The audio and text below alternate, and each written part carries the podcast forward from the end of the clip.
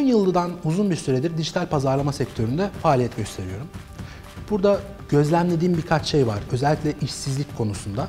Tamamen söylediklerim dijital pazarlama dünyasıyla alakalı. Belki diğer sektörlere de çekilebilir. Çekilemez farklı şartları vardır. O konuda bir şey diyemeyeceğim.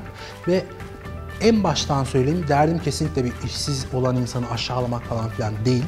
Ee, gerçekten işsizlik çok zor bir süreç. Bunu biliyorum ve bunu nasıl daha kısa bir sürede halledebiliriz? Aslında konunun ana metni bu. Buradan yola çıkarak şunu söylemem gerekiyor. Bizim genel olarak bir toplumsal problemimiz var. Çinlilerin çok sevdiğim bir atasözü var. Güneş doğmadan yılın 360 günü kalkıp çalışmaya başlayan adam aç kalmaz diye. Şimdi çok güzel bir atasözü. Senenin tamamında, 5 gün hariç tamamında daha güneş doğmadan çıkıp çalışmaya başlamak, bu azimi göstermek muhteşem bir şey. Ve insan eğer bunu yaparsa hayatta asla aç kalmaz diyor. Ki genel olarak da aslında bu doğru. Şimdi Çinlerin atasözlerinin sonucunda Çin'in nasıl yükseldiğini, nasıl arı gibi çalıştıklarını görebiliyoruz. Dönelim Türkiye'deki atasözlerine. Ee, tamam bir işleyen demir ışıldar falan var ama ben bu atasözünü en son diyorlar herhalde bir 10 sene oldu. Şu an daha sık duyduklarımdan bahsedeyim. Devletin malı deniz yemeyen keriz. Ya da e, bal tutan parmak yalanır. Şimdi bunun gibi atasözleri varken aslında insanları birazcık daha kolaycılığa, birazcık daha tembelliğe hatta birazcık daha hırsızlığa yönlendiren e, artık atasözü haline gelmiş sözlerimiz varken e, toplumsal bir analiz yapabiliriz belki. Bir, biz millet olarak birazcık tembeliz. Kabul etmemiz lazım. Bu tembelliği e, şahsım ya da işte siz falan diye şey yapmıyorum. Herkesten bahsediyorum. Buna ben de dahil olmak üzere. Birazcık daha fazla çalışmamız gerekiyor. Neden bahsediyorum? Aslında e, hep güzel güzel hikayeler anlatırız. İşte girişimcilerin muhteşem hikayeleri. E, Bill Gates işte şöyle e, zengin oldu, böyle zeki adamdı, böyle muhteşem adamdı falan diye anlatırız değil mi? Genel olarak girişimcilerin de hikayeler hep birbirine benzer. İşte sıfırdan başladı, muhteşem bir e, adam haline geldi. Artık dünyanın en zengin adamı falan diye. Bill Gates'in gençlik dönemine baktığımız zaman ilk olarak üniversite döneminde muhteşem bir çaba görüyoruz. Üniversitesinin olduğu bölgede bir bilgisayar yok. Bilgisayarı tek bulabildiği yer üniversitesindeki kampüs ve üniversitesindeki kampüsteki bilgisayar bir tane ve sabahtan akşama kadar dolu. Yani mesai saatleri içerisinde gidip de o bilgisayarla kurcalayıp, oynayıp bir şeyler öğrenebileceği vakit yok. Üniversiteyle özel bir anlaşma yapıyor. Gece, sabah, sabah gece de değil, 3 ile 5 arası bilgisayarı kullanmak için izin istiyor. Her gece saat 2'de evinden yola çıkıyor. Hala otobüs falan da yok. Yürüyerek üniversiteye gidiyor. Gece 3'te bilgisayarın başına oturuyor. Kendince bir şeyler yazıyor, kodlar yazıyor sabah 5'e kadar. Tekrar sabah 5'ten sonra evine dönüyor, uyuyor ve okuluna gidiyor. Bunu üniversite hayatı boyunca devam ettiriyor.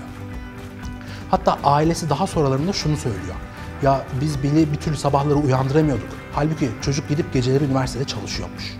Şimdi bu azmi gösterebilen insanlar evet Bill Gates olabiliyorlar.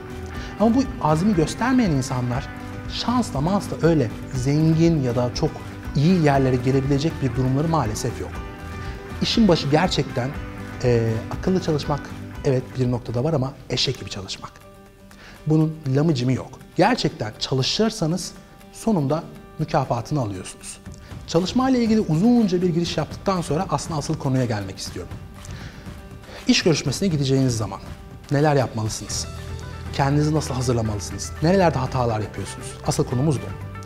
İlk önce ufak bir eleştiride bulunmak istiyorum. Diploma. Tamam, diploma özellikle pazarlama için tekrar konuştuğumu söyleyeyim. Diploma çok önemli. Evet, bir üniversiteden mezun olmanız evet çok önemli. Ancak bir üniversiteden mezun olduğunuz için, sadece mezun olduğunuz için insanların size iş vereceğini beklemek büyük bir yanılgı. Bir işveren açısından düşünün. Hiç deneyimi olmayan ve e, bir sektörde bir çalışması vesairesi olmayan insana sadece diploması var diye iş vermek birçok işveren için büyük bir risk. Evet işverenler e, çalışanları desteklemeli, yeni sektöre girecek olanlara işi öğretmeli. Eyvallah bunları tamamen kabul ediyorum. Ama benim diplomam var kardeşim, beni işe almak zorundasınız anlayışı birazcık yanlış. Kesinlikle üniversite döneminde sadece derslere gidip gelmek değil, ekstra bir şeyler daha yapmanız gerekiyor. Ufak ufak freelance işler olabilir, çeşitli kulüplerin aktiviteleri olabilir, kitapları okumak olabilir, pazarlamalı kitapları okumak olabilir. Çeşitli reklam filmlerini izlemek, bunları yorumlamak. Yani sizin ekstradan öğrenciyken yapabileceğiniz her şeyi yapmak sizi işe girerken elinizi çok çok daha kolaylaştırır. Ama sadece benim diplomam var, bana iş vermek zorundasınız noktası birazcık işveren için riskli. Yine yeni mezunların özellikle işe girerken yaptıkları çok büyük bir hata var, iş görüşmesinde özellikle. Tek amaçları işe girmek. Şimdi iş görüşmesini yaparken e, aslında bir karşılıklı değerlendirme söz konusu. İşveren çalışan o adayı değerlendiriyor ama aday da aynı zamanda şirketi değerlendirmek zorunda. Ancak adayın psikolojisi ben ne olursa olsun bu işe gireceğim olduğunda işin tadı birazcık değişiyor. Çünkü aday çeşitli alanlar söylemeye başlıyor. İşte ben e, öğrenci kulüplerinde bilmem ne bilmem ne direktörüydüm. Öyle bir havalı havalı söylüyor. Ama günün sonunda bakıyorsunuz ki aslında sektörle alakalı çok bir şey bilmiyor. Şimdi o aday işe girdiği zaman mutlu oluyor mu? Önemli olan bu. Çünkü tamam para kazanmak önemli ama hayatı mutlu yaşamak daha önemli. 3 ay sonra o iş yerinden çıkarıldığınız zaman sonu daha kötü oluyor.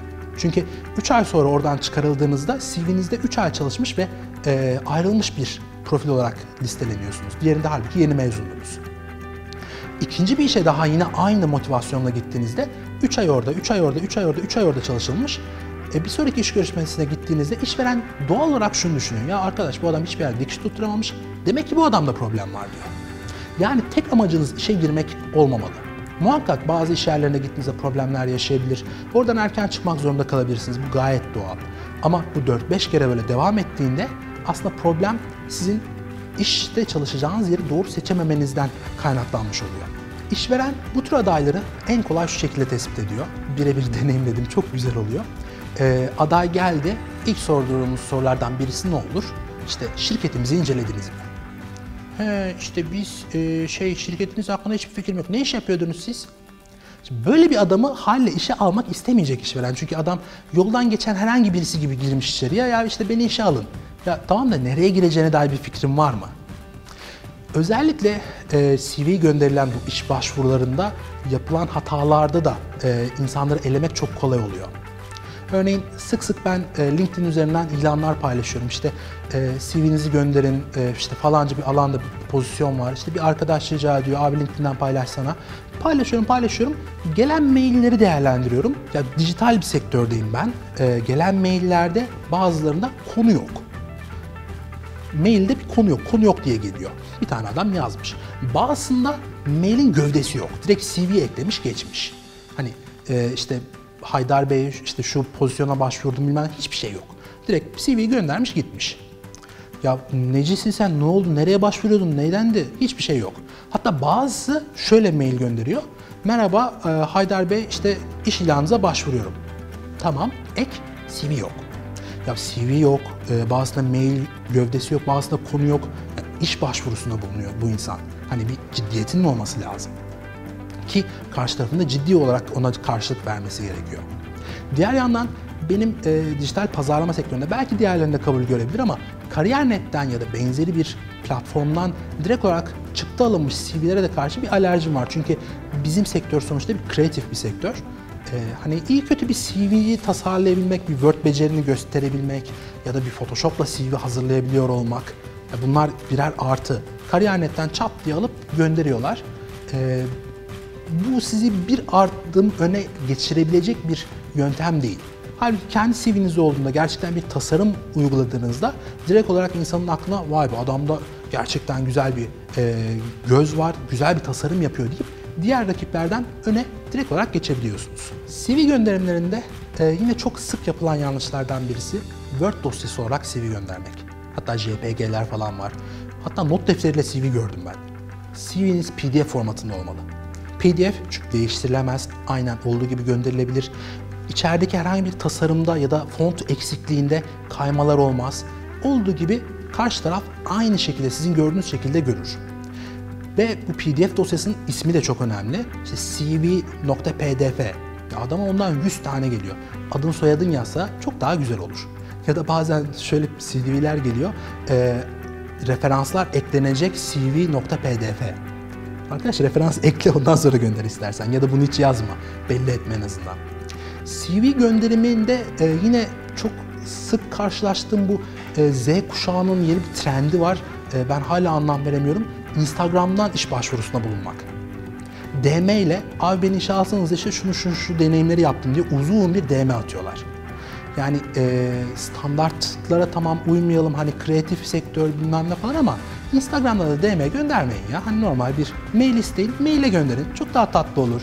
Yönetimi işveren açısından daha kolay olur. Hani bu adama CV'si neredeydi, nereden yazmıştı bana falan diye bunu mailinden çok daha rahat kontrol eder.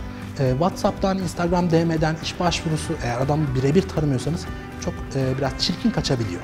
CV'de yapılan sık hataların başında aslında e, çok benim irite olduğum şeylerin başında en azından imla hataları geliyor. Şimdi e, metin yazarlığı yaparım diye bir ilan gelmiş, şey CV gelmiş. Hakkında da daha yayılmış. Yani e, insan bir CV'sine bakar, bir kontrol eder, imla hatası var mı diye. Çünkü direkt olarak bu ciddiyetsizlik olarak algılanıyor işveren tarafından.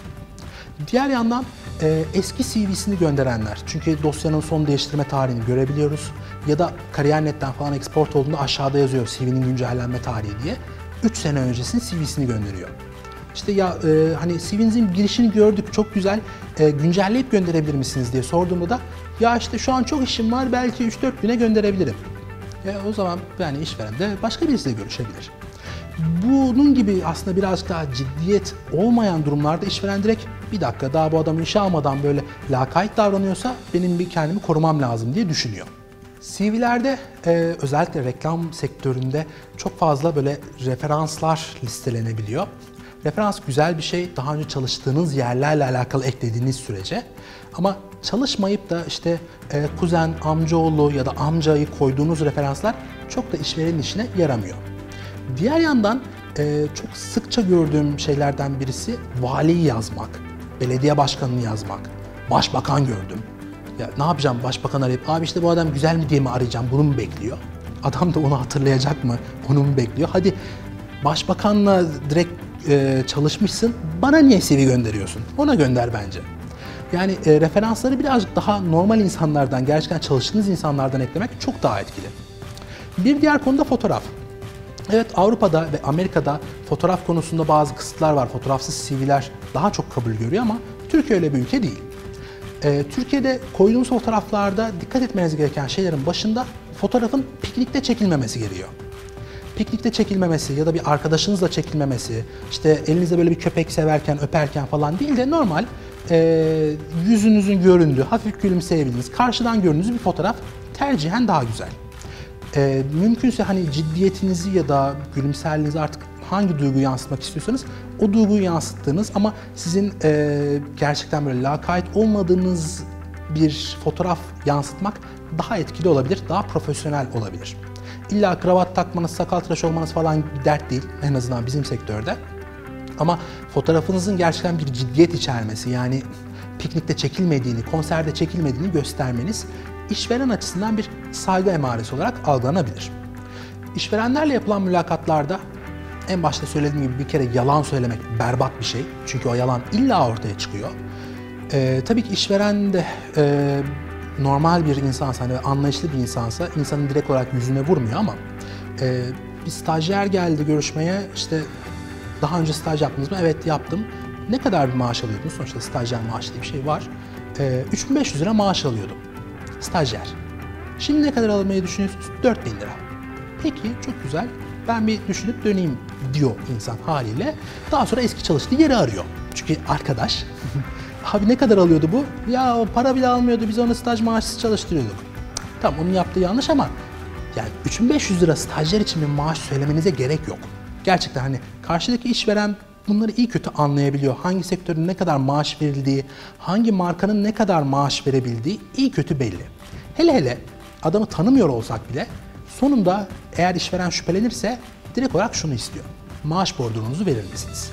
E, bitti. Eğer maaş bordrosunda e, 3500 lirayı gösteremeyecekseniz karşı taraf ya bu adam bana yalan mı söylüyor diyor. E ondan sonra başlıyor bu sefer yeni yalanlar. Ya işte biz sigortayı düşük gösteriyorduk da şöyleydi de böyleydi de. Bırakın doğruyu söyleyin. Doğruyu söyledikten sonra, o dürüst iletişimi sağladıktan sonra her şey hallolur. Ama o dürüstlüğü daha ilk günden sağlayamazsanız siz yalan söylersiniz, e işveren de size yalan söyler. ve berbat bir ilişki olur. Yine mülakatlarda aslında adayların da bazı sorular sorması gerekiyor. Hani o dedim ya sadece işe gireyim yeter, ne olursa olsun yeter psikolojisinden çıkıp şirket hakkında sorular sorması gerekiyor. Bir kere e, ilk hoş geldiniz ne içersiniz? Bir dakika maaş ne kadar diye sormak yerine o para mevzusunu en sonlara bırakıp öncesinde şartları sormak gerekiyor. Ama şartları da şöyle değil. Cumartesi pazar çalışıyor muyuz? Akşam mesai var mı? Falan değil. E, normal şartlar nedir? İşte mesai saatleri ne kadardır? E, direkt bir şeyler ben asla yapmam değil de bir önce karşı tarafın taleplerini anlamak gerekiyor. Talepleri anladıktan sonra istediğiniz gibi cevap verirsiniz zaten. Ama tepkiyle yaklaşmayın. Belki orta bir yol bulunabilir, belki bir güzellik olabilir ama ilk önce ben şunu asla yapmam, ben bunu asla yapmam diye insanlara gelmeyin. Bu gerçekten çok etkili oluyor.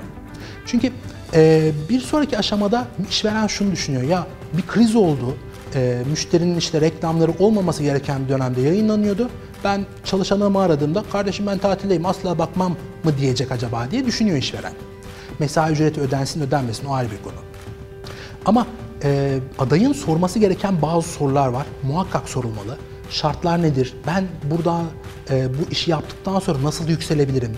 E, karşıma nasıl fırsatlar vereceksiniz ve eğitim verecek misiniz? Farklı eğitim imkanlarım olacak mı? Kendinizi geliştirmek istediğinizi işverene göstermeniz gerekiyor. Ve aslında bunu gerçekten gönülden de istemeniz gerekiyor. Mülakatlarda benim de çok anlayamadığım, e, nimetini çok bilemediğim bazı standart sorular vardır. İşte sizin en büyük eksikliğiniz nedir? O da direkt internetten baktığı cevabı söyler. İşte en büyük eksikliğim mükemmelliyetçiliğim. Yok ya. Bu hazır cevaplar üzerinden gitmeyin. O internette hangi soruya hangi cevap vermelisinizi İK'cılar da okuyor, işverenler de okuyor. O soruları geçin. Orada gerçekten İK'cıların bir kısmının en azından baktığı bazı cevaplar var. O sizin gerçekten ne düşündüğünüzü, olaya nasıl yaklaştığınızı gösteriyor. Ama siz en büyük e, kötü yanım mükemmelliyetçiliğim dediğinizde ha bu adam internetten cevap bakmış cevaba ama boş ver deyip geçecekler. Diğer yandan işin e, bir referans kısmı var. Hani hep söylenir. Özellikle devlet için belki doğrudur ama özel sektörde de çok söylenir. İşte referanssız işe girilmiyor. Her yer torpille dönüyor falan diye. Devleti kenara bırakıyorum. Özel sektörde gerçekten torpille işe girmek çok zor. Çünkü işveren şuna bakıyor. Bir ticarethane olduğu için. Ben bu adamdan para kazanabilecek miyim? Eğer gerçekten hiçbir şey bilmeyen bir adamı e, işe aldırıyorsa, arada çok böyle farklı farklı bir ilişkiler yoksa almayacaktır. Torpil orada geçmez. Hele hele bazı adaylar şöyle gidiyor. Ben işte falancanın tanıdığıyım, beni iş almak zorundasınız. E adam daha çok gıcık oluyor. Yok ya almıyorum o zaman deyip adamı gönderiyorlar. Yani adamı o kadar işvereni e, gıcık etmeye de gerek yok. Diğer yandan e, çok dikkat edilmesi gereken konuların başında da İngilizce geliyor. İngilizceyi bütün Türk milleti olarak çok iyi biliyoruz ama konuşamıyoruz. Herkes farkında. Ama e, CV'nizde işte çok iyi İngilizce biliyorum diye yazmanıza da o kadar gerek yok. Hele hele CV'ler bazen İngilizce geliyor. Ne kelime hataları var, ne çeviri hataları var. Gülmekten ölürsünüz. E, ama bu e, CV'lerde gelen İngilizcenin sonunda bir mülakata giriyorsunuz ve karşı taraf size e, Continue in English diye başlıyor. Hadi İngilizce konuşalım diyor. İşte orada takılma gerçekten felaket olur. Eğer İngilizce biliyorum diyorsanız. Bir kere benim de başıma geldi. Çok güzel bir e, yere iş görüşmesine gittim. İşte böyle kocaman plaza, asansörden kat kat çık çıkıyorsun, çıkıyorsun. İş görüşmesine girdim. Her şey çok güzel gidiyor. Anlatıyorum, anlatıyorum. Let's continue in English dedi. E, diye kaldım. Böyle bir 10 dakika kalmışım gibi hissediyorum. Belki 30 saniye falan da ama kaldım öyle. Halle iş olmadı. Burada e, yavaş yavaş artık hani internet çağındayız, dijital çağ, insanların İngilizceyi konuşabileceği tonla alan var. Yavaş yavaş kendinizi İngilizce'de pratik alanında geliştirmeniz gerekiyor. Özel sektörde %90'ı en azından sizden gramatik bilgi falan beklemiyor. İşte burada kem mi olacaktı, vaz mı olacaktı? Hiç kimsenin umurunda değil. Derdinizi anlatabiliyor musunuz? Anlatıyorsunuz. Gerisi önemli değil. Zaten emin olun karşı taraftaki işveren ya da İK'cı da o kadar iyi İngilizce bilmiyor. Sizin nerede gramatik hata yaptığınızı o da zaten çok fark etmeyecek. Önemli olan derdinizi anlatabilecek kadar İngilizce öğrenmeniz. Özellikle öğrencilere bir tavsiyem var. Artık Türkiye'deki birçok üniversitede yabancı öğrenciler var. Gidin yabancı öğrencilerle arkadaş olun. Ama onlara Türkçe küfür öğretmeye değil, onlardan İngilizce öğrenmeye, onlarla İngilizce pratik yapmaya çalışın. Onlarla e, birer saat vakit geçirin günde ya da haftada bir, bir şeyler yapın. Onlarla İngilizce konuşun. Onlarla İngilizce konuşa konuşa hem kendinize güveniniz gelecek hem de pratiği birazcık daha geliştirmiş olacaksınız. Ve şundan emin olun, sizin okullarda gördüğünüz İngilizceyi İngilizler öyle kullanmıyor. Ee, İngilizler konuşmaya başladığında en iyi İngilizce okullarından mezun adamlar bile afıl afıl bakıyorlar. Bu adam ne diyor acaba diye. Aslında gözünüzde çok da fazla büyütmeyin işe girme olayını. İşe girmek aslında kolay. Kimin için kolay? Gerçekten çalışan, üreten için kolay. Sizin elinizde bir iş yokken çalışamıyorsanız zaten aslında işveren açısından söylüyorum. Zaten o vizyon yokmuş demek ki sizde diyecektir. Yine pazarlama alanı için. Şu anda freelance olarak çalışabileceğiniz internette onlarca platform var. Kendinizi geliştirebileceğiniz, okuyup araştırabileceğiniz binlerce web sitesi var. Okuyabileceğiniz, satın alabileceğiniz yüzlerce kitap var. Türkçe çevirisi, İngilizcesi vesairesi. Kendinizi geliştirebileceğinizi, birazcık olsun geliştirebildiğinizi gösterdikten sonra herhangi bir işe girmek çok kolay, dünyanın en basit işi. Yani aslında işin özü çalışmaktan, çok çalışmaktan geçiyor.